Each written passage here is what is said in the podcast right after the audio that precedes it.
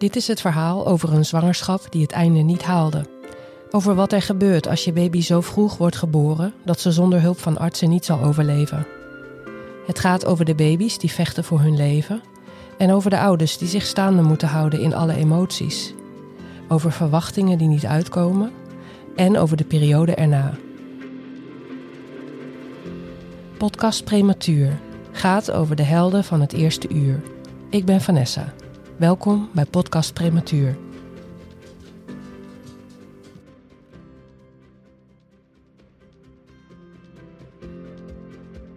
Toen ik vorig jaar begon met het maken van de podcast, stond ik open voor het lezen van verhalen van andere ouders. Een van de eerste boeken die ik las was Het onvoltooide kind van Brenda van Os. Ik verslond het. Brenda beschrijft de vroeggeboorte van haar dochter Eva. Ze werd dismatuur en prematuur geboren met 30 weken en 680 gram. Eva lag drie maanden op de NICU en twee maanden op een couveuse afdeling dichter bij huis. In de jaren die volgden namen Eva's handicap steeds ernstiger vorm aan. De gelijkenis van de situatie met mijn zoontje Vince van het gewicht, de ziekenhuisopname van vijf maanden, het lange balanceren op het draadje tussen leven en dood pakte me gelijk. Maar ook Brenda's open, eerlijke en confronterende overpeinzingen in hoe ver we willen gaan in het redden van veel te vroeg geboren kinderen. Een vraag die mij inmiddels ook al 2,5 jaar bezighoudt. Mijn zoontje vertoont geen gelijkenis met Eva's handicaps, maar dat had met zijn complicaties net zo goed wel zo kunnen zijn. Buiten dat heb ik ook uur na uur zijn strijd gezien, zijn lijden en zijn pijn. Ik heb mijzelf en de artsen gevraagd waar we in godsnaam mee bezig zijn, waar de grens ligt, wat de dood eigenlijk betekent en dus het leven. Brenda ging negen jaar na de geboorte van Eva terug naar de NICU, niet als moeder, maar als journalist, om antwoord te krijgen op haar vragen.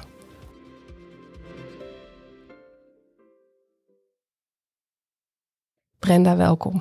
Dankjewel. Ik ben heel blij dat je er bent. Um, als eerste, Eva is geboren in 2002. Uh, eh, en de eerste druk van jouw boek is 2015. Ja. Kan je vertellen wat je ertoe heeft gebracht om het boek te schrijven? Zo lang na datum nog, bedoel mm. je? Ja. Nou, ik denk dat bij mij speelde wat bij jou ook speelt. En ik denk bij heel veel NICU-ouders. Dat het toch heel lang nog uh, naebt in je lichaam hè, en in je hoofd. Wat er allemaal gebeurd is en wat dat voor consequenties heeft. En um, ik, moest daar, ik moest daar iets mee. En ik moest er nog meer iets mee dan ik me had gerealiseerd. Want het moment dat ik het boek ging schrijven, uh, was Eva al, toen ik eraan begon, hè, dat heeft lang geduurd, was Eva al een jaar of negen. Ze mhm. woonde zelfs al niet meer thuis toen, uh, vanwege haar handicaps. En ik had helemaal niet het idee dat ik op het punt was dat ik zelf veel te verwerken had. Ik dacht dat ik daar, mhm. daar wel zo'n beetje mee klaar was. En ik zag het ook toen als een journalistiek project. Ik wilde, ik had iets meegemaakt. Eh, dat had allerlei vragen bij mij opgeroepen. Um, en met name die vraag die jij net al opperde van, goh, waar, waar ligt nou echt de grens? Waar doe, doe je goed aan? Wanneer, uh, ja, hoe ver moeten we gaan met behandelen? En wat zijn daar de willens en wetens de consequenties van? Hè? En realiseren we ons goed, voldoende dat we daarmee ook een groep levenslang uh, handicaps meegeven? Dat was natuurlijk allemaal wel voortgekomen uit mijn ervaring met Eva, die vragen. Hmm. Uh, en ik had heel erg de behoefte om daar journalistiek iets mee te doen. Maar ik kreeg dat boek niet, niet uit mijn pen. Hm. En um, dat had, terugkijkend, een hele logische reden. Het was natuurlijk zo verbonden met mijn persoonlijke verhaal. Dat kon alleen maar met elkaar samen verteld worden. Ik kon alleen maar die journalistieke zoektocht um, gaan doen en opschrijven als ik mijn eigen verhaal daarin betrok. Anders was het hm. los zand. En dat heeft lang geduurd voor ik dat kon. En um, ik merkte dus ook dat het me wel degelijk nog, nog uh, op veel fronten uh, diep raakte. Dat ik gewoon nog niet klaar was met het, met het hele morele dilemma eromheen. En ook met de vraag of we het, voor zover we iets te kiezen hadden gehad, of we het goed hadden gedaan voor hmm. Eva. En dat is waarom het boek er is gekomen. Hmm. Ja. En daar kwam natuurlijk bij dat ik wel degelijk dacht dat het uh, een verhaal is wat verteld moest worden. Hmm. Voor andere ouders, maar ook ook gewoon maatschappelijk gezien. Het is, het is best wel een kokon, die wereld van de NICU's. Uh, maar er is heel weinig maatschappelijk debat over. Omdat ja, mensen zijn geneigd om te denken: God, dat kan vanaf 24 weken. Fantastisch, die dokters. Mm. Uh, maar dat daar allerlei kanttekeningen bij zitten en, en afwegingen. En een consequentie ook is dat er dus een groep is die met handicaps door moet. Dat, dat lees je niet, dat hoor je niet. Ik vond dat dat verteld moest worden. Mm. Kan je vertellen over Eva's geboorte en haar ziekenhuisperiode? Poeh, ja. Dat is lang geleden, mm sowieso. Um, ik lag al um, een maand lang in het ziekenhuis voor zij werd geboren. Er was op een gegeven moment, um, ik zou eigenlijk heel vrolijk voor een laatste vakantie met z'n tweeën, met mijn uh, ex inmiddels, maar mijn man destijds, vader van Eva, naar Curaçao gaan. Dus onze koffers waren gepakt. Hm. En uh, de dag voor vertrek uh, had ik nog een afspraak bij de verloskundige. Um, en die zei, ik vertrouw het niet. De baby is ja, wel levendig, maar zo ontzettend klein voor deze termijn. Ik denk dat ik toen 25 weken was. Ik wil dat jullie naar het ziekenhuis gaan voor een echo. Mocht het meevallen, mocht je toch gewoon op vakantie gaan, dan moet je me beloven dat je op je handdoek gaat liggen en verder niks. Mm. moest echt rust houden. Ik schrok pas in het ziekenhuis toen uh, er een echo werd gedaan en er werd gezien dat het baby inderdaad echt weken achterliep. Mm. Ja, en toen die vakantie was natuurlijk meteen van de baan. Ik mocht, mm. ik mocht nog net mijn toilettas halen thuis en um, toen werd ik platgelegd. En um, ja, monitoren van, van de baby kreeg elke dag zo'n CTG om mijn buik. En uh, daarop zagen we ook wel dat, dat ze het niet heel goed maakte. Mm. Maar goed, dan kom je in die waarschijnlijk voor veel luisteraars bekende afweging van hoe, hoe meer tijd in de buik, hoe beter. Mm. Maar je moet natuurlijk wel op tijd toch uiteindelijk um, een kindje er ook uithalen. Dus nou, dat, dat was eigenlijk die, die vijf weken of die maand dat ik daar uh, op dat bed lag, de, de, um, ja, de afweging steeds. Um, ja, achteraf kun je zeggen dat we toch net te lang hebben gewacht. Want ze, ze diepte steeds aan het CTG. Hè, dus dan zag je steeds de hartslag wegvallen en dan toch weer opkrabbelen. Um, en op een dag uh, was eigenlijk nadat een professor al tegen me had gezegd: Het wordt wel een beetje tijd. Hè? Toen had ik ook gezegd: Ja, volgens mij moet ze eruit. En op de een of andere manier hebben we toen toch nog even gewacht. En toen was er een CTG waarbij ze niet meer niet meer opkrabbelde. En toen was het rennen. Hmm. Ja, toen was het meteen uh, met bed en al naar de OK. En uh, ruggeprik erin, duurde te lang, onderzeil. En uh, zo is ze geboren. Ja. En het, um, het nare was dat ze um, dus ook echt in nood is gekomen. En er ja, meer dood dan levend uitkwam. Dus ze is flink ja, fors gereanimeerd met ik heb dat dus niet gezien, maar mijn, uh, mijn ex, mijn uh, man destijds, heeft dat wel allemaal Zo. kunnen zien in zo'n zijkamertje mm -hmm. van de mhm. operatiekamer. Dat ze hartmassage kreeg en een paar keer zo'n prik, adrenaline shot is dat denk mm -hmm. ik. Um, en uiteindelijk geïntubeerd werd en een soort van stabiel naar de afdeling ging. Mm -hmm. En toen was ze er op 14 juli 2002. Ja. Ja, ja want het reanimeren, dat is ook nog wel een ding geweest. Hè, waar, waar je eigenlijk later, later op het boek ook op terugkomt. Als je negen jaar later terug gaat naar de NICU. Eigenlijk voor je onderzoek. Ja. En dan zal je daar eigenlijk ook nog over navragen. Hè? Hoe, hoe, hoe dat nou precies zat. Ja, sterker nog, ik ben ook nog uh, voor mijn boek uh, in gesprek gegaan met haar arts van destijds. Hmm. Um, die werkte dan niet uh, in Amsterdam, maar inmiddels in Alkmaar. Dokter Blok. Dokter Blok, ja. met zijn blokje shirt. Ja, ja. om dat ook nog specifiek met hem te, te bespreken. Hmm. Ja. Nou, het, het is... Um, het is het enige geweest wat me eigenlijk echt dwars heeft gezeten. Ik heb van bijna alles wel kunnen denken van dat iedereen doet zijn best. En um, ja, we weten ook niet hoe het uitpakt. Dus er valt niet zoveel uh, boos te zijn op iemand, want niemand kan hier iets aan doen. Um, maar het gekke van die reanimatie was, is dat um, dat voor mijn gevoel toch aan mij voorbij is gegaan. Dus niet met mij is besproken vooraf. Ik lag al een maand in dat ziekenhuisbed dus. Eh, we waren ook al een keer op de NICU gaan kijken op ons verzoek. Ehm, we hadden een keer een gesprek gehad met het hoofd van de NICU, die de, de, ja, de, de, de kansen en de mogelijke problemen besprak. Maar dat ging allemaal heel lichtvoetig. Er werd ook wel gezorgd dat we de allerkleinste kindjes niet zagen op die NICU en zo. Het was een beetje beschermend, een beetje betuttelend eigenlijk. Maar goed, daar kon ik me nog wel iets bij voorstellen. Zo, zo zag ik dat toen ook. Ehm, en ik had volgens mij goed in mijn hoofd dat er wel degelijk veel risico's aan zo'n kleintje eh, kleefden. Maar dat, dat het zo kon zijn dat als we wachten op het moment dat ze eruit moest, dat het ook kon betekenen dat ze dan gereanimeerd moest worden. Mhm. Ja, die mogelijkheid die had ik zelf niet bedacht, maar die was ook niet met ons besproken. En daar, daar voelde ik me echt in gepasseerd. Daar ben ik echt wel, wel ja, bozig over geweest. Omdat ik dacht van ja, maar dat, ik had gewild dat dat mijn, mijn beslissing was. En misschien dat ik ook wel toen had gedacht van oké, zo'n heel klein frummeltje, als ze er blakend uitkomt, ga ervoor. Maar anders wil ik het niet. Mhm. En die mogelijkheid die is ons gewoon ontnomen. Dat is al gebeurd toen ik wakker werd. Ik heb alleen gevraagd van, goh, eh, waarom is dat niet met ons besproken? En, Mhm. en is dit, gaat dit altijd zo? En vinden jullie dan zelf niet dat het een hele grote beslissing is? Mhm.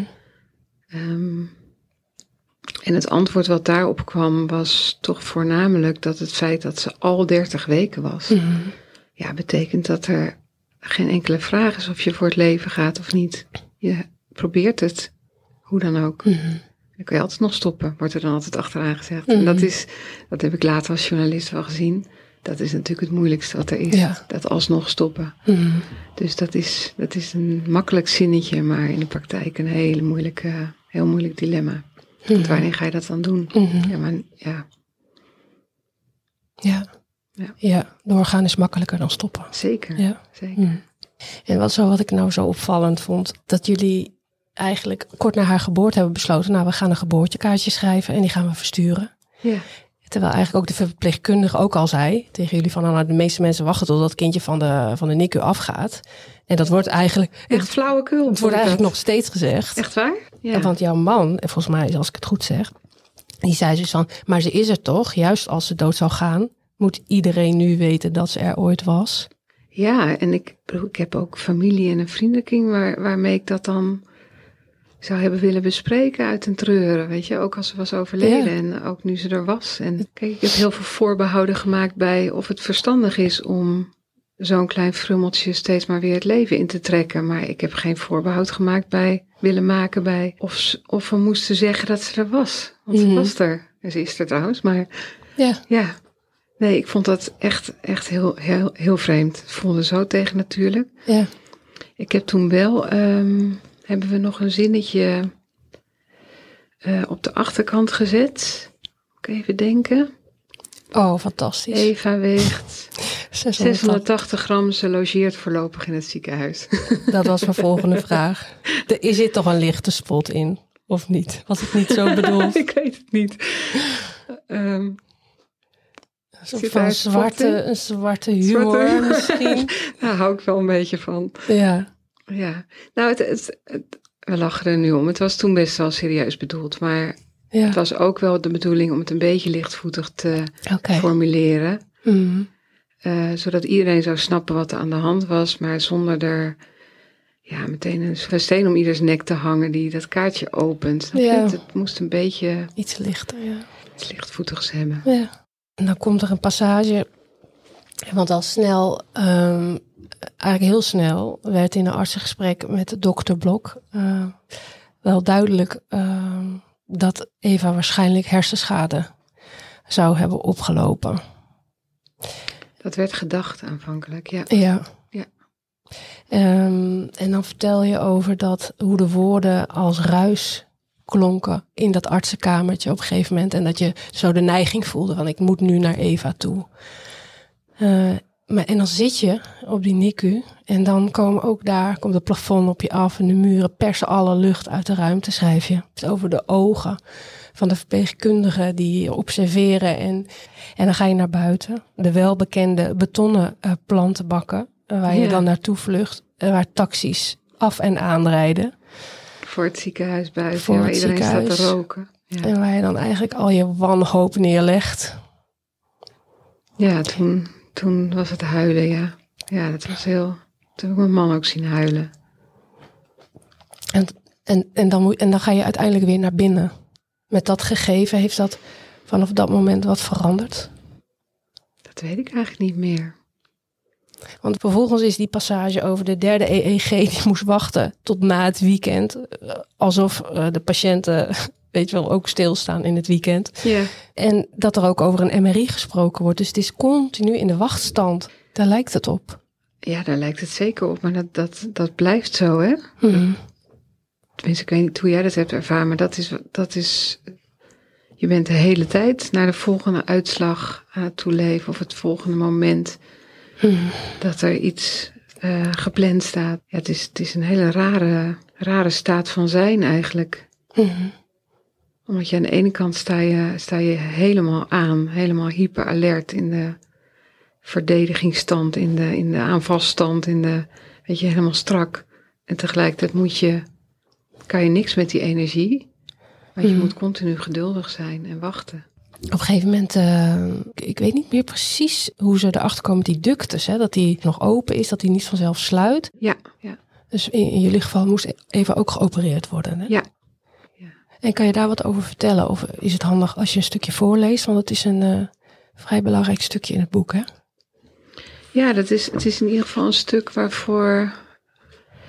eh, ik zal het zo voorlezen. Waar, waar, we, waar je volgens mij wel in kan lezen hoe twijfelend ik ook soms was over waar we nou goed aan deden. En of het voor haar en voor ons nou beter was dat, dat we er behandelden en het leven steeds maar insleurden of dat we er lieten gaan. En Hmm. dat was iets waar ik, waar ik erg mee worstelde in die tijd. En ik denk terecht, volgens mij moet dat ook steeds de afweging zijn, ook bij artsen. Hmm. Ehm, en eh, omdat er iets misgaat ehm, bij het naar de OK gaan, eh, hoor je hoe ik me dat, eh, dat afvraag in het boek. We waren koffie gaan drinken, het wachten naast de couveuse beu. De operatie was al twee keer uitgesteld. Het duurt nog wel even, ga lekker naar buiten, had de verpleegkundige gezegd. Een krap uur later waren we terug op de achtste verdieping. Een smalle strook eh, glas gaf vanaf de gang zicht op de afdeling en op Eva's plek. Er stond een reiscouveuse klaar, eindelijk. Ernaast twee mannen in operatietenu. Ik zag een van de neonatologen, meerdere verpleegkundigen, veel beweging. Iets in het tafereel achter het draadglas klopte niet.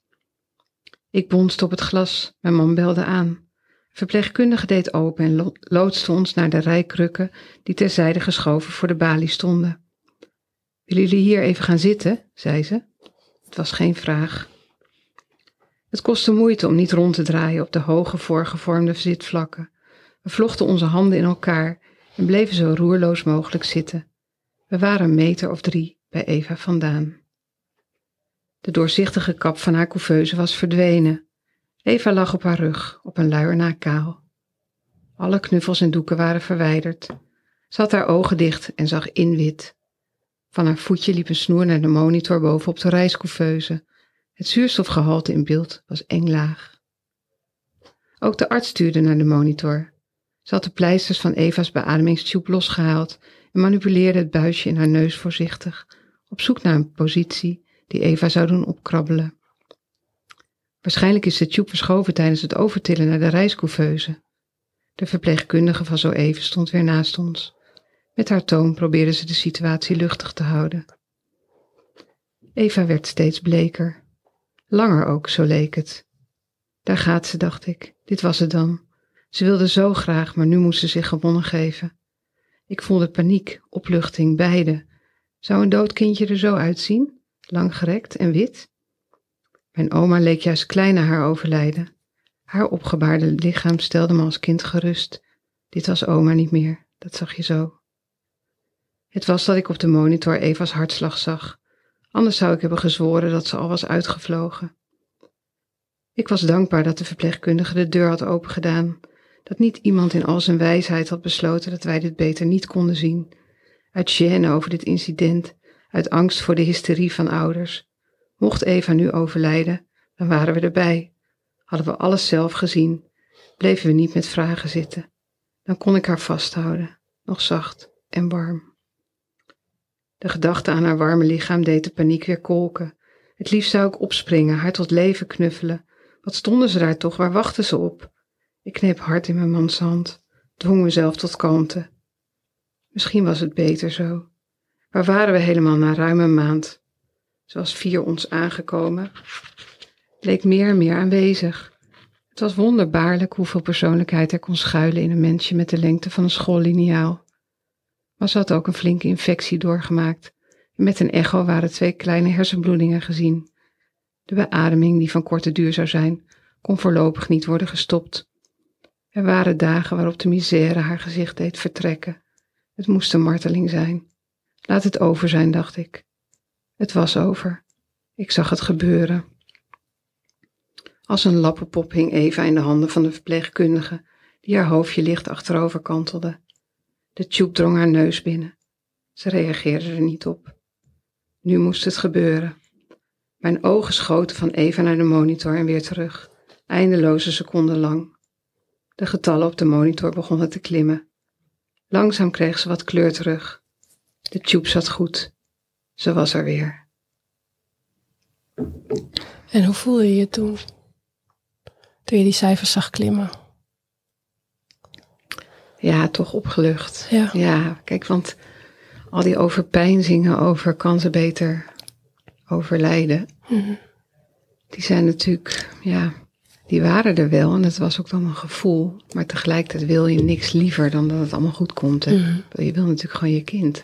Ze wilde zo graag. Ik heb heel vaak gedacht, joh, ga, weet je wel. Laat het zelf los. Mhm. Waar, wat ben je, wa- waar- waarom wil je dit? Ja. Ja. En ja, dat ten koste van, van alles. Je hebt, je hebt zeg maar die, ik zie het altijd een beetje als twee dingen. Je hebt de, ja, de ten koste van op de korte termijn, wat, wat jij net ook vertelde over Vince. De enorme hoeveelheid prikken en behandelingen en operaties die hij heeft moeten ondergaan. God natuurlijk ook voor Eva, ik denk ietsje minder misschien, maar ja, dat is, dat is inderdaad een soort marteling. En die nemen we voor lief, omdat we hopen dat het allemaal leidt tot de dag dat we dat achter ons kunnen laten en dat alles goed is. Mhm. Maar goed, je hebt ook de, de schade die we accepteren op de lange termijn. Want je weet dat als je vanaf 24 weken behandelt, dat je bij, vooral bij de jongste, dat je een, een fors aantal van die kinderen vervolgens toch er wel doorheen sleept, maar eh, ook opzadelt eh, met een leven met problemen, met achterstanden, met handicaps, met eh, ja, beperkingen. Mhm. En dat is iets wat we, ja, we, ik weet niet eigenlijk nooit precies wie nou we is, maar we met z'n allen blijkbaar eh, hebben afgewogen en oké vinden zoals het is. Mhm. Ja, het werd ons ook gevraagd en met 24 weken zeiden ze van... "En we moeten dit met jullie bespreken. Welke, tot welke mate van handicap is aanvaardbaar voor jullie? Een Maar onmogelijke vraag, toch? eh, ja, ja. Ik voelde alleen maar... Ik zei, ik, ik neem Vince mee naar huis. Dat kan me niet schelen op wat voor manier. Ja. Nou, dan ga je nadenken. En dan, ja, we kennen allemaal het plaatje wel van eh, erg spastische kinderen die ook niet zelf mobiel zijn natuurlijk. En dat is wel wat je je kind ook gunt. Ja, en dan leg je daar maar eh, een antwoord neer. Waarvan ik dat ook eigenlijk onder voorbehoud heb gedaan. Want ik had eigenlijk geen idee. Ik wist alleen maar, ik voelde alleen maar de liefde voor mijn kind. En dat, dat, dat hij mee naar huis moest. Maar als het, daarom is het goed dat we hierover praten. En ehm, dat het Zeker. transparanter wordt. En dat Ja. we dan, omdat ik vind dat je dan pas een eerlijke afweging kan maken. Hoe kan je een afweging maken van iets wat je niet ziet of hoort? Maar denk je dat je ooit op zo'n afweging voorbereid bent? Kijk, dat zouden wij misschien zijn als we, dat, als we nu in diezelfde situatie kwamen. Maar als je 24 weken zwanger bent en je bevalt opeens, dat, ja, dan, dan moet het wel zo zijn dat je al een enorme ervaring hebt in je leven met een situatie met een gehandicapt kind in een gezin, bij je ouders thuis of bij de buren of Precies. iets heel dichtbij. Wil je daar een beetje gevoel bij hebben? En dan nog, je hebt geen idee natuurlijk waar je, waar je het over hebt eh, Mm. qua schade, want dat, dat weet je pas na jaren. Mhm. ik denk dat ik van tevoren, ik weet niet hoe het voor jou was, maar ook wel heel erg dacht dat de medische wetenschap een soort exactheid had als wiskunde, weet je wel. Je, Mhm. je weet toch als je medicijnen geeft waar, hoe ze uitpakken. Je weet toch als je een hersenbloeding ziet op een eh, echo of een MRI, wat dat betekent voor functioneren van een kind. Nou, dat, dat laatste is dus al bijvoorbeeld helemaal niet zo. Mhm. Je weet ongeveer in welk gebied het zit. Maar de range die dat, die dat nog. Dat is dus de, de exacte uitwerking van zo'n hersenbloeding op het functioneren van een kind. Eigenlijk alleen als die heel, heel ernstig is. Dan kun je daar met een soort zekerheid iets over zeggen. Mhm. Of als er niks te zien is. Maar het hele gebied ertussen Is grijs. is grijs. Ja. Mhm. Ik, denk dat ik het antwoord, ik weet het niet, het vaakst heb gehoord in de periode in het ziekenhuis met Vins. Mhm. Als we het hebben over dat je dat verwacht van tevoren, dat verwacht je inderdaad van tevoren. Dat, dat ze overal een pasklaar antwoord op hebben, maar juist met die hele kleintjes hebben ze dat helemaal niet. Nee. Op zich vind ik het ook wel heel goed dat er tegenwoordig ook niet meer wordt gedaan alsof ze wel de waarheid in pacht hebben. Mhm. Dat er gewoon wordt uitgelegd hoeveel ze zelf ook niet weet en in hoeverre het proberen is. Mhm. Maar het, het, het is wel heel moeilijk te verkroppen tegelijkertijd. Want je snakt naar, dat herinner ik me ook heel, heel helder. Dat snakken naar zekerheden en hou vast. En eh, al was het maar op onderdelen, weet je wel. Iets van grip op het verhaal. Mhm. Ja. Ik heb het overigens, dat is misschien een beetje gek om te zeggen, maar ook, eh, dan nadrukkelijk ook, als een hele mooie tijd ervaren. Omdat het heel intens was en echt ergens over ging. En ik heb best ehm, moeite gehad toen die tijd voorbij was en alles een beetje rustig was. Eva was thuis, weliswaar met een zonde en met zuurstof en ehm, een heleboel, hele zandkraam. Maar toch, het was rustig en een beetje genormaliseerd. Ik werkte weer. Ik vond het best moeilijk om weer te aarden in het gewone leven. En je realiseert je hoe het dagelijks leven eigenlijk alleen maar voortkabbelt. En Ja. hoeveel het eigenlijk ook over onzin gaat. En ehm, Ja, iets van die relativering is er zeker gebleven. Je krijgt mij niet meer zo ge- snel gek, maar eh, tegelijkertijd dat gewone leven, dat, dat sleept je ook weer mee, weet je wel. Dan zijn alle Mm. futiliteiten ook weer gewoon wel belangrijk. jij en je ex-man inmiddels besloten om voor een tweede zwangerschap te gaan. Ja, ja, En ik ben heel benieuwd hoe jullie daartoe kwamen. ja. Nou, dat, dat, dat, dat was natuurlijk best een ingewikkelde eh, afweging. Uiteindelijk zit er ook vijf jaar tussen Eva en haar oudste broer. Er is daarna nog een broertje gekomen. Oh ja. Het vermoeden is, eh, nog steeds trouwens, dat er in aanleg ook van alles met haar mis was. Op een gegeven moment komt er zo'n klinisch geneticus naar die kijken en die, die analyseert er echt als een soort alsof die een auto checkt voor de APK of zo. Hè? Dus, en dan ook alles wat er dan zogenaamd raar aan er is. De ogen zouden, de oren hadden, stonden te laag en de eh, ogen gingen te veel omhoog aan de zijkant. En nou, dat, dat was echt zo'n vreemde gewaarwording. Na verloop van tijd was er zoveel uitgesloten. Dat ook de kinderarts zei: Ik denk dat je er gewoon van uit moet gaan dat, dat er wel een mutatie is. Dat er wel iets met haar aan de hand is. Maar dat dat gewoon een, een spontane mutatie is geweest. Niet iets genetisch wat bij jullie vandaan komt. Want dan, ja, dan hadden we het gevonden. Ja. Mhm. En dat gaf, eh, ik denk dat ze toen al anderhalf of twee was of zo toen we dit gesprek hadden. Dat gaf wel de een soort basisveilig gevoel dat het zich niet zou gaan herhalen. En daar heb ik me toen ook, ik kan wel heel koppig zijn, dus ik heb me daar gewoon toen aan vastgeklampt. Ik dacht, dat is het. Zelfs, ik heb nog een miskraam gehad na Eva, voordat eh, de zwangerschap eh, van haar oudste broer eh, gewoon goed ging. En ik kan me ook niet herinneren dat ik was daar wel verdrietig over, maar niet dat ik daar nou van dacht, dan zie je wel, ik kan geen gezonde kinderen krijgen. Wat een logische gedachte was geweest, maar ik denk dat ik dat, ik dat gewoon niet toestond. Ja, want ik wilde het heel graag. Mhm. En het ging goed, hè? Het ging goed. Het was wel, het was niet, niet zo zorgeloos natuurlijk. Toen ik eenmaal zwanger was, herinner ik me wel dat ik toch heel erg naar die. Er werd vooral steeds gekeken hoe groot het kindje was. Om te kijken of er geen achterstand was, zoals bij Eva. En dat ik wel heel erg naar die meetpunten steeds uitkeek. En ook, ik had bij Eva dus een spoedkeizersnee gehad. En daardoor was het bij beide jongens, ehm, was het geplande, geplande keizersnee. Bij 39 weken. Dat ik ook echt, echt wilde dat ze eruit gingen. Ja, dus daar zat best wat stress op. Mhm. Ja, toch wel. Maar het En is goed zijn allebei gezond. Ja, helemaal Mhm. gezond. Gelukkig. Kan je proberen uit te leggen hoe het leven met Eva was? Toen ze nog thuis woonde. Ja, Mhm. nou aanvankelijk eigenlijk heel vrolijk wel. Het is een heel grappig meisje. Helemaal in het begin was het heel medisch nog. Mhm. Want dan had ze dus die zuurstof en die zondevoeding en het eten wat niet lukte. Heel veel medicijnen en veel ziekenhuisbezoek. En dan RS-virus natuurlijk weer opnemen. En, Mhm. nou ja, bekende verhaal. Maar toen dat een beetje achter de rug was, dus eigenlijk na het eerste jaar. Ja, toen was het een heel grappig, vrolijk kindje die ook wel, ja, wat vooruit ging en zo. Dus, ik herinner me dat als heel, heel prettig en vrolijk. Mhm. Eigenlijk begon het lastig te worden toen ze ging lopen. Toen ze een jaar of drie was. Ja, toen rende ze ook. Eigenlijk, ik herinner me zo dat vanaf de eerste stap kon ze eigenlijk rennen. Het duurde eindeloos lang voor ze ging lopen. En daarna rende ze alleen nog maar. Dat was natuurlijk niet zo erg. Kon best achter haar aanrennen.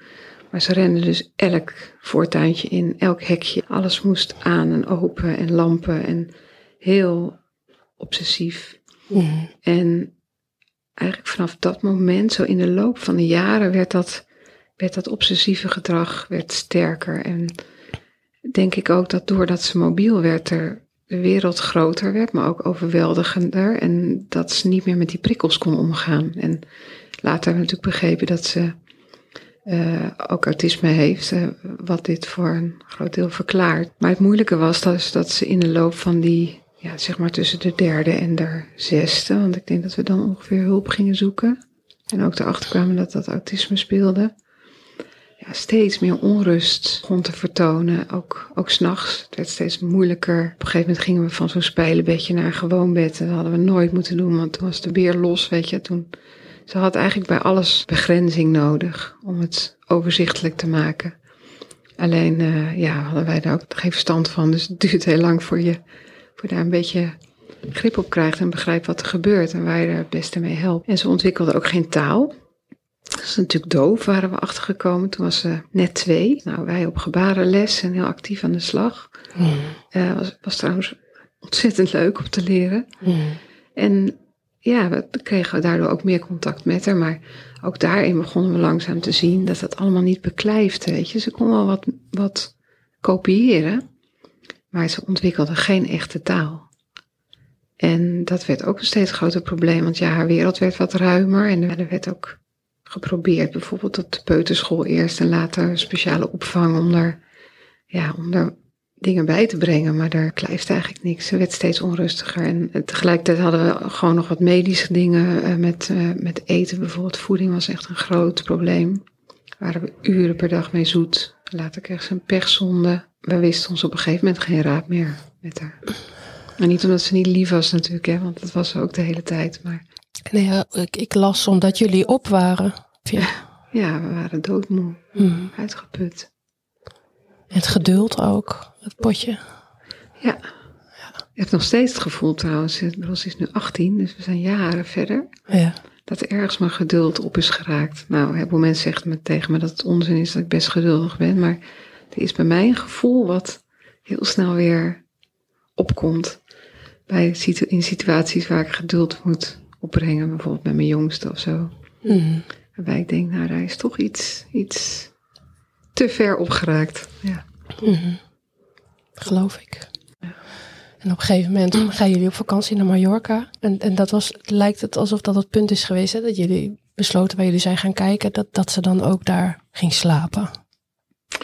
Ja, dat was het punt dat we al wel, eh, we wisten toen al van haar autisme. Inmiddels hadden we toch ook wel vastgesteld dat die verstandelijke beperking best fors was en zou blijven. Want heel lang werd gewoon tegen ons gezegd, hè, ook door hulpverleners heel vergoeilijk. En van nou, geef er de tijd, ze ze komt van ver. En bleef het maar benoemd worden als achterstand. Terwijl ik de hele dacht, ja, een achterstand, dat klinkt als iets wat je gaat inlopen. Maar volgens mij is dat niet meer zo.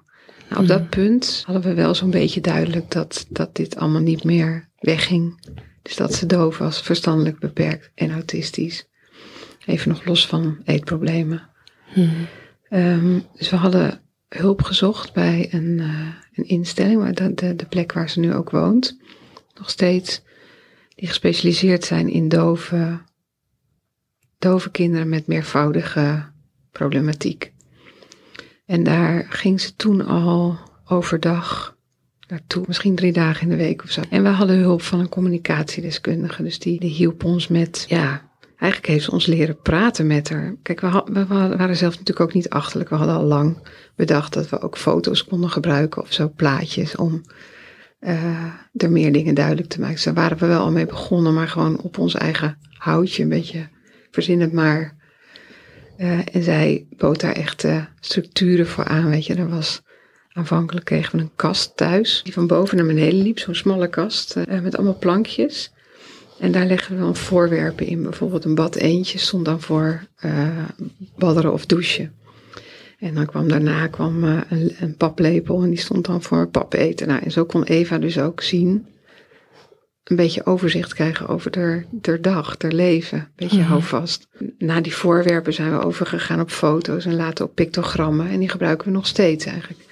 Een planbord met haar op kunnen laten zien wat, um, hoe de dag eruit ziet. En waar, waarmee ze zelf ook iets kan. Hè. Ze, plakt er wel eens iets tussen van dat wil ik graag. Want dat kan ze dan niet zeggen. Maar dat kan ze natuurlijk wel opplakken. Of ze haalt iets weg en schuift het onder uh, de bloempot of zo. Maar goed, in die tijd hadden we dat net uh, de eerste hulp daarbij. Van een hele fijne communicatiedeskundige. En die had ons ook... Um, ja, ik moet er een beetje om lachen als ik aan terugdenk. Uh, spulletjes gegeven waarmee we met Eva konden spelen en contact konden krijgen. Dingen als een bellenblaas en smurversnot, weet je wel. Heel tactiel natuurlijk, want het is mm. dan het sensopathische spel, wat wij ook wel kennen. En mm. uh, het niveau waarop je samen dingen kan doen. En, en een bal om over te rollen. En dus wij hadden echt uh, heel enthousiast een hele tas vol spulletjes gekocht voor die vakantie. Van nou gaan we, gaan we leuk spelen met elkaar. Nou, dat is daar kwam helemaal geen bal van terecht. Want ze sliep voor geen meter. En um, die spelletjes duurden 30 seconden of zo. En dan was het klaar. Hmm. Dus het was, het was, ik moet er nu om lachen, maar het was heel frustrerend. Hmm. Ja, het was wel echt het punt waarop we dachten, dit, dit gaat dus gewoon niet meer. Hmm. We kunnen dit niet zelf. Ja. En het kwam natuurlijk ook door die nacht, hè, doordat het was iets alle ouders zijn moe van de gebroken nachten. Tuurlijk. dit was heel stressvol. En als dat dan geen rustperiode kent, dan, uh, ja, dan houdt het ergens op. En toen ging ze intern, zeg maar. Mhm. Had dat ook een duidelijke weerslag op haar? Ze had toen heel veel onrust, wat ik net al vertelde, maar ook wel veel angst. Althans, zo heb ik het gezien. Ja.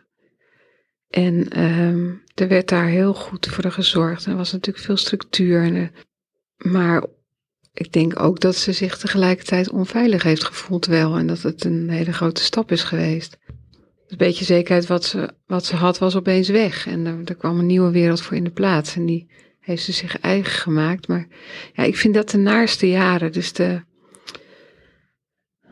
dat, dat is iets waar ik, waar ik zelf misschien meer mee heb geworsteld nog dan met de NICU-periode.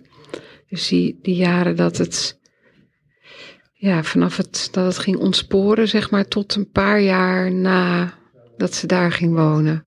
Ja, ik denk zij ook wel. Ik had heel erg het gevoel dat er, dat ze opgesloten zat in haar hoofd en dat er van alles in de omging dat ze niet kon uiten en dat ze heel bang was. En dat eigenlijk niemand dat kon wegnemen. Want het ook niet zo dat ze nou kalmeerde als je er op schoot nam en knuffelde of zo. Dat is, ja, er, was weinig waarmee je er kon, kon verzachten voor haar. Hmm. Ja. Ik heb overigens nooit aan getwijfeld of we er goed aan deden toen om die stap te maken. Het was wel heel moeilijk en huilen natuurlijk op terug naar, terugweg in de auto. Ze er weer hadden achtergelaten, maar Um, tot op de dag van vandaag denk ik dat het een hele goede stap is geweest. Maar wel een pijnlijke stap, mhm. natuurlijk. Ja, op een gegeven moment werd je ook begeleid uh, door een psychiater. En zei tegen jou: Er is een deel van Eva waar je niet van kunt houden. Ja, dat klopt. Ehm, ja, dat speelt ook rond de tijd dat ze uit huis ging. En, en dit is wel een hele belangrijke opmerking geweest, omdat het, hoe je, je staat jezelf bijna niet toe, hè, dat, dat het anders is met een kind dan gewoon 100% houden van en alles is goed. Hmm. En dat was het toch wel. Ik bedoel, er was, had heel moeilijk gedrag af en toe. En onderdelen daarvan, die waren gewoon niet leuk. En het feit dat hij dus zei, er zijn delen van Eva waar je niet van kon, kunt houden. Want het, het is nou eenmaal anders. Dat, dat legitimeerde ook dat gevoel. En dan, dat maakt het meteen een stuk, stuk lichter. Hmm. Want ik, ik, hou, ik hou natuurlijk van haar. En Mhm. eh, dat deed ik toen ook. Maar, te- ja, maar er is ook een maar. En dat, dat, dat voel ik nog steeds. Ik denk dat ik dat nu eigenlijk nog sterker voel. Want ze is, ja, ze is 18. Ze woont al heel lang niet meer thuis. Ze eh, heeft heel sterk een routine ontwikkeld in haar leven.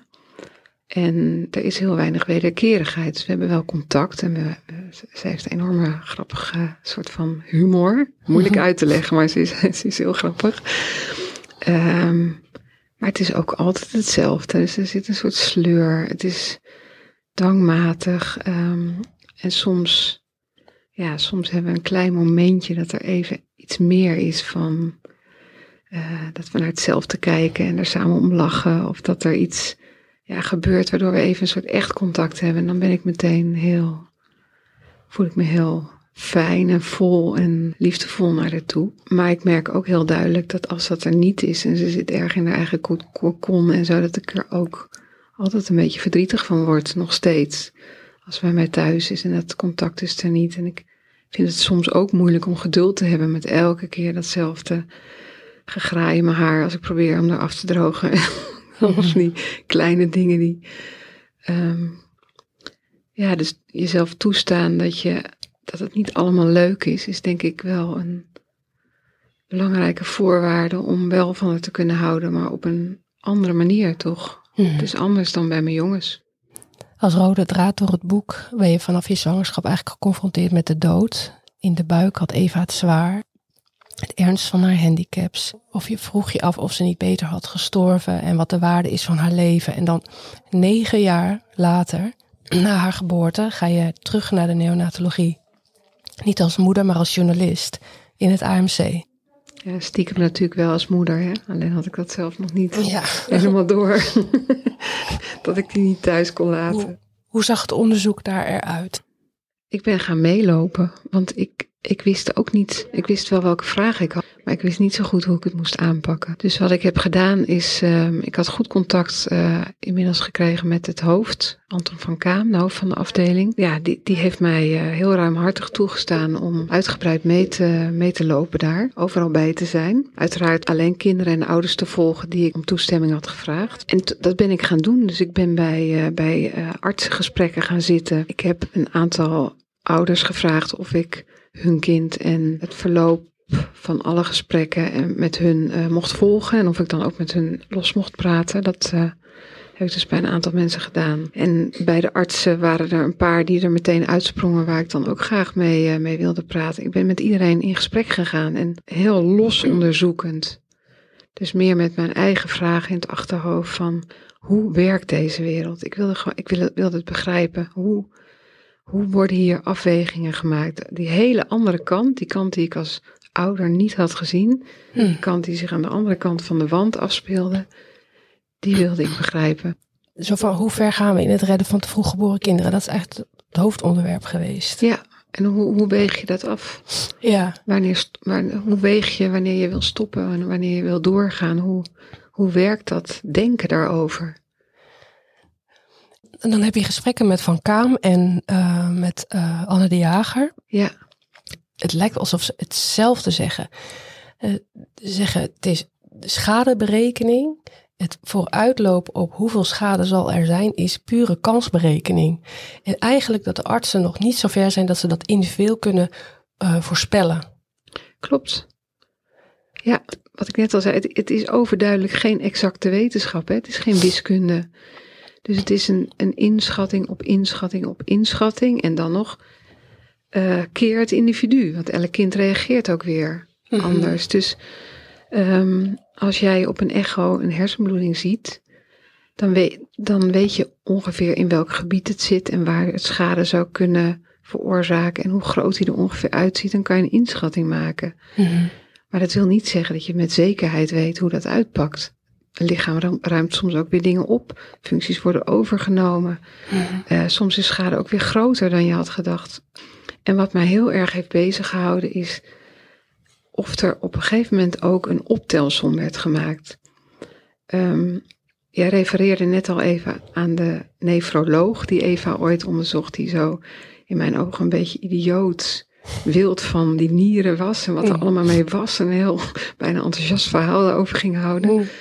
Ehm, nou ja, met dat in je achterhoofd, hè, dat er altijd te veel wordt gekeken naar een onderdeel, een, een, een probleem. Daar zit nu het probleem, dat gaan we oplossen. Daar zit nu het probleem, dat gaan we oplossen. Ik dacht bij Eva ook vaak, ehm, is er nog wel iemand die het hele overzicht houdt en die nu even weer door dat inmiddels meters dikke dossier bladert en denkt, gut, we hebben eerst een... eh, ze zat eerst al een hele tijd in die buik waar het niet fijn was. Daar is al zo vaak gedipt. Wat zou dat eigenlijk hebben gedaan? Daarna was er een reanimatie die heel erg lang duurde. Ehm, eh, dat zal toch wel schade hebben gegeven. Daarna was er een hersenbloeding. Daarna was er dit, daarna was er dat, daarna was er zus, daarna was er zo. Wie maakt die optelsom? Mhm. Dat heb ik heel vaak gedacht. Omdat dat volgens mij is wat de uitkomst uiteindelijk ehm, meebrengt. Nou ja, dat is ook iets wat ik bijvoorbeeld aan Van Kamer heb voorgelegd en met Anne Jager heb besproken. En Mhm. het lastige is dus dat die zeggen, en dat snap ik ook wel weer, eh, je kunt geen beslissingen maken op een optelsom. Je bent op een gegeven moment gaan behandelen. En ehm, dan maak je inschattingen van wat al die, on, al die dingen, die er, al die gebeurtenissen betekenen. Maar je kan niet zeggen, oeh, dit was een nek, nou, dikke min. Dit was een eh, hersenbloeding, dikke min. Nou, we hebben nu een eh, staatje met eh, drie dikke minnen en twee kleine minnetjes en een dikke plus en één plusje, dus onder de streep. Nou, misschien moeten we er toch maar mee stoppen. Zeggen, zo werkt het niet. Op zo'n punt ga je ook nooit besluiten om ermee op te houden met een behandeling. Maar wanneer het dan wel is, is het dan puur een gevoelskwestie? Nee, dat, dat is als het eigenlijk pas als het echt ontspoort, als het gewoon niet meer gaat, als je ergens stuit op een punt dat je niet meer verder kunt zonder met zekerheid een slechte uitkomst te hebben. En ik snap hem wel, hè? Want ook als ouder denk ik pas dat je bereid bent om te stoppen met een behandeling en je kind te laten gaan als je echt voor een soort blok staat. Het probleem ermee is alleen dat als je niet voor dat blok komt, maar je gaat wel van A naar B, naar behandeling C, naar medicatie D enzovoort. Het komt regelmatig voor, dat heb ik ook in het ziekenhuis gezien, dat je dan ook als artsenteam opeens bij H bent aanbeland en denkt, hoe in hemelsnaam zijn we hier gekomen? Mhm. Dit hadden we allemaal nooit gewild. Over onze schouder terugkijken. Dit is veel te ver gegaan. En toch kom je daar doordat het ja, moeilijk is om te stoppen. Doorgaan is makkelijker dan stoppen. Doordat er een optelsom is van kleinere dingen die allemaal aan zich niet genoeg reden zijn om te stoppen. Ik vraag me wel af hoe dat bij Eva is geweest. Daar ben ik nog steeds niet helemaal uit. Kijk, die reanimatie is aan zich al iets waarvan ik me afvraag of we dat hadden moeten willen. Ehm, maar daarna zijn er ook weer niet heel veel punten geweest waarop er een keus te maken viel.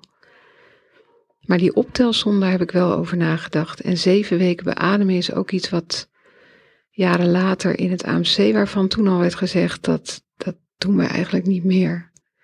Maar goed, weet je, je moet het ook in zijn tijd zien. In, in de context van toen. En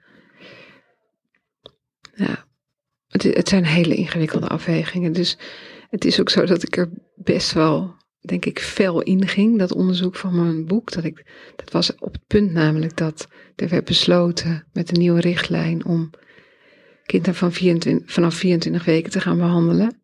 En ik was eigenlijk, stond ik in de stand, waar zijn jullie mee bezig? Dit betekent nog veel meer leed en nog veel meer, een hoger percentage ook kinderen die hier uitkomt met forse schade en die daar het hele leven mee door moet.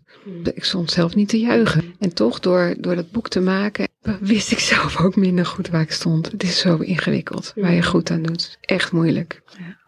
Heeft uh, jouw onderzoek, als ik het zo mag noemen, mhm. heeft, het jou, uh, heeft het jou al je antwoorden gegeven? Het heeft me heel veel antwoorden gegeven. Het heeft me ook onverwacht toch nog een laatste brok verwerking gebracht, denk ik. Maar wat ik net al zei, ik ben er niet, ik ben er wel heel veel wijzer van geworden, maar ik vind het niet minder ingewikkeld. Uh, het nadenken erover. Dus de mhm. complexiteit van waar doe je goed aan? Behandelen, niet behandelen, wanneer stop je? Um, wanneer doe je het goede? Is eigenlijk gewoon de, de simpele samenvatting. Mm uh, vind ik uh, wel ingewikkelder geworden nog, nu ik het beter begrijp.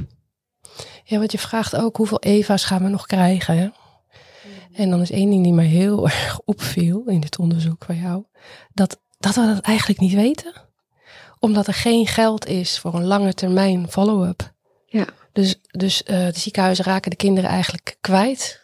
Of na dat vijfde jaar follow-up. Ze weten eigenlijk helemaal niet zo goed hoe het met iemand gaat op 18-jarige leeftijd. Of... Nee, dat is een grote schande, vind ik. Hmm. Het wordt wel steeds beter hoor. Er is wel meer lange termijn eh, onderzoek. Volgens mij ook tot acht. En dan weet je al, omdat je dan de cognitie toch meer aanspreekt op school en zo, weet je wel al meer. Dus ik denk dat we de EVA's nog wel in kaart hebben. Dat zijn natuurlijk dan de kinderen die, die overduidelijk achterblijven en overduidelijke handicaps hebben. Hoe gaat het met Eva? Ja, best goed, best goed. Ja, ze is echt een jonge vrouw geworden. Ik heb voor haar gestemd uh, ja. bij de laatste verkiezingen. Uh, dat weet ze natuurlijk niet, maar... Um, ja, ze is heel veel rustiger geworden. Ze is eigenlijk heel tevreden. Ze heeft een paar dingen waar ze zich op een prettige manier in kan verliezen. Ze is bijvoorbeeld gek van Peter Pan en kapitein Haak. En ze heeft ook een... Uh, voor de 18e verjaardag een kapitein Haak jas gekregen. Die ze dag en nacht draagt. Althans wanneer ze hem aan mag. Hmm. En uh, ze zit dus vaak helemaal in die filmpjes. En dan speelt ze ze na. En ze hmm. tekent het ook na. En daar heeft ze veel plezier aan. Hmm. Um, het is ook precies wel weer waar de problematiek bij haar soms ligt. Want je moet er daar wel ook in stoppen. Anders zit ze daar de hele dag in. En verliezen alle contact met de werkelijkheid eigenlijk. Dus het is nog steeds zo dat anderen haar, voor haar de begrenzing moeten brengen, weet je, haar grenzen moeten aangeven. Mm. Maar ze, ze, kan, eh, ze houdt enorm van buiten, buiten zijn. Dus we gaan vaak naar het bos of naar het strand en dat vindt ze heerlijk. Mm. En ik heb eigenlijk het idee dat ze heel tevreden is in de, in de routine. Verder gebruikt ze nog steeds pictogrammen om duidelijk te maken wat ze wil, maar ze kan ook wel meer met gebarentaal. Um, ze kan het vooral best goed begrijpen. Dus als ik tegen haar zeg: ga je schoenen maar pakken, dan, uh, dan doet ze dat. Of ze gebaart klaar als ze iets niet wil. Of uh, denkt dat het niet nodig is, dan is het allemaal klaar. Mm -hmm. En uh, ze kan ook, ja, vind ik, erg goed observeren. Um, op de woongroep heeft ze nu als taak om de tafel te dekken, bijvoorbeeld. En dan kijkt ze op de planborden en om zich heen welke bewoners er zijn en wie er niet is, wie thuis is. En dan dekt ze dus heel keurig uh, de borden en de bekers die horen bij de personen die aanwezig zijn. Nou, het is mhm. best, ja, ik vind dat iets heel, heel knaps. En dat laat ook wel zien dat ze, dat ze oog heeft voor de, voor de wereld om zich heen. Mm En uh, wat nog heel komisch was, laatst had ze er, uh, haar arm bezeerd een beetje. Oh. En toen waren ze naar het ziekenhuis gegaan om een foto te maken. Nou, daar was uh, niets op te zien gelukkig en het was ook snel weer over. Maar begeleidster zei toen van nou, dan gaan we terug naar de woongroep. En toen gebaarde ze een andere dokter. Want ze had zoiets van, ik heb hier nog steeds pijn aan mijn arm. Oh. Het probleem is niet opgelost. nou ja, en dat soort kleine dingen zie je toch dat ze, dat ze wel degelijk op haar manier besef heeft van uh, hoe de wereld in elkaar steekt. En eigenlijk ook best goed weet wat ze, wat ze wil. Ja, echt een karakter. Ja, ja zeker karakter heeft ze. En ze kan geweldig giechelen. Wat ook heel grappig is, is dat ze Um, want ze giechelt dus als iets, als iets misgaat, hè, of als iets omvalt of botst, of uh, als de, de broertjes stoeien, dat vindt ze, vindt ze heel geestig. Mhm. Maar het heeft ook een heel goed oog voor als dingen afwijken van, uh, ja, van standaard. Als er iemand uh, mank loopt in een winkelstraat of zo, dan, dan, dan kan ze daar de ogen niet van afhouden. En dat vind ik zelf een heel komisch aspect, want ik realiseer me dat ze zich waarschijnlijk niet eh, dat ze zelf niet weet hoezeer zij anders is dan de rest. Maar ze heeft dus mhm. wel een enorm soort van focus op alles wat, mhm. wat net, net niet helemaal is zoals anders. Ja. Tot slot. Wat zou je ouders van prematuren willen meegeven? Je doet het goed. Hoe dan ook. Dankjewel. Alsjeblieft. Tot nu toe zijn er in de podcast een aantal verhalen voorbijgekomen als voorbeelden blij te zijn met wat artsen vandaag de dag kunnen. Maar vandaag hoorden we de andere kant van de medaille. Je als moeder afvragen of je er goed aan hebt gedaan om je kind te laten leven. Het lijkt me vreselijk. Voor Brenda was het nodig om te begrijpen, om rust te vinden in het leven met Eva. Eva is nu 18 en het gaat goed met haar. Ze heeft leren te communiceren en ze is bij de wereld betrokken op haar eigen manier. Dat er ook een andere kant van de medaille is, is de realiteit van vandaag de dag, de menselijke evolutie. De wetenschap heeft dit gecreëerd. Brenda durft de vraag centraal te stellen hoe ver we moeten willen gaan in het redden van de allerkleinste. De vraag raakt me natuurlijk persoonlijk, aangezien Vince met 24 weken geboren is, de ondergrens van wat als levensvatbaar wordt beschouwd. Ik ben elke dag dankbaar dat Vincent heeft overleefd, omdat ik van hem geniet en hij een gezond, vrolijk en rustig mannetje is. Maar zijn reis van 680 gram naar 3,2 kilo was een leidersweg en traumatisch voor hem. Dat is de donkere zijde van de goede kant van de medaille op de korte termijn. Een leidensweg die we voor lief nemen. Alles doen om de dood te overleven. Als de medaille wetenschappelijke groei vertegenwoordigt, dan is Vince, die er tot zover zo goed is uitgekomen, de ene kant van de medaille. Eva de andere kant. Het boek dat Brenda heeft geschreven is in één woord geweldig: Het onvoltooide kind. Als je eraan begint, is het moeilijk om weg te leggen. Ik begrijp haar onderzoeksvraag als geen ander. Brenda schrijft over Eva's verblijf op de NICU, over angsten, onzekerheden, emoties die we als NICU-ouders allemaal kennen. Ook over de tijd thuis, die in het begin erg medisch was en hoe dan in de loop der jaren de problemen zich opstapelden. Als Brenda negen jaar later op onderzoek uitgaat in het AMC, levert dat inzichten op die ons allemaal raken. De NICU-bubbel is alles behalve zwart-wit. Het kiezen tussen leven en dood allerminst. Eén ding is zeker: doorgaan met behandelen is makkelijker dan stoppen.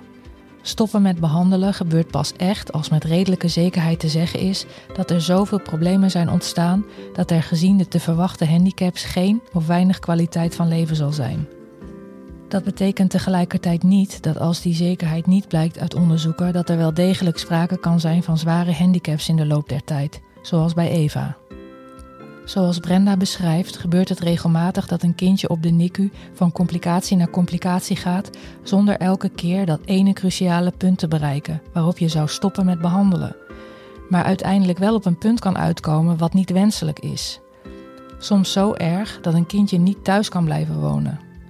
Brenda zegt over deze ontwikkeling, en ik citeer: Wanneer je als maatschappij afspreekt zeer vroeg geboren kinderen te behandelen in de wetenschap dat een deel van hen daar ernstige problemen aan overhoudt, heb je de morele plicht levenslang goed te zorgen voor degenen die dat nodig hebben. Het lijkt mij ook het minste wat je kan doen.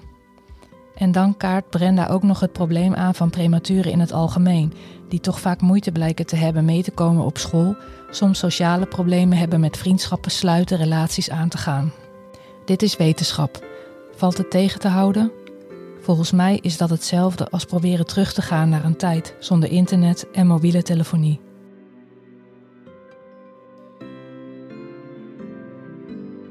Podcast Prematuur over de helden van het eerste uur. Gemaakt door mij, mama van zo'n held. Leuk dat je hebt geluisterd naar deze podcast. Ik weet niet of je zelf moeder of vader bent van een prematuur of op een andere manier betrokken bent, maar heb je iets aan deze aflevering gehad, iets geleerd, iets herkend en denk je dat anderen het ook waardevol zullen vinden? Dan zou ik het heel erg waarderen als je het zou willen delen op social media, op Facebook, Instagram of LinkedIn, door een screenshot te maken van je telefoon en ons daarin te taggen. Overigens hebben we de website weer een stukje uitgebreid en kan je onder andere ook mijn blog lezen, die ik elke week bijhoud. Alvast bedankt en ik hoop dat je volgende week weer luistert naar een nieuwe aflevering van Podcast Prematuur.